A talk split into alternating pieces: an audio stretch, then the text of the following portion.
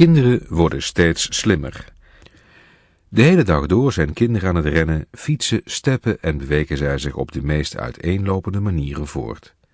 Als je echter eens oppert om een eindje te gaan wandelen of fietsen, dan zijn ze in de meeste gevallen niet geïnteresseerd.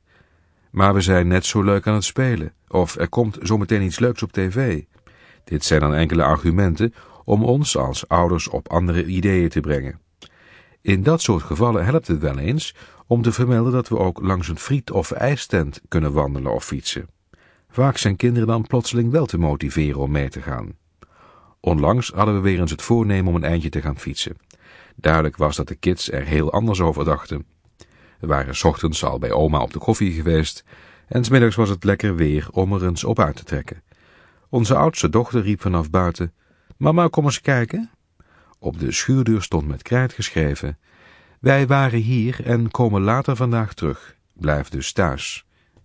Wij dachten dat een van onze vrienden langs waren geweest en bleven dus inderdaad thuis om op hun bezoekje te wachten.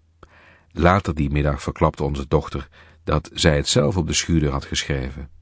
Tja, kleine kinderen worden steeds groter en slimmer.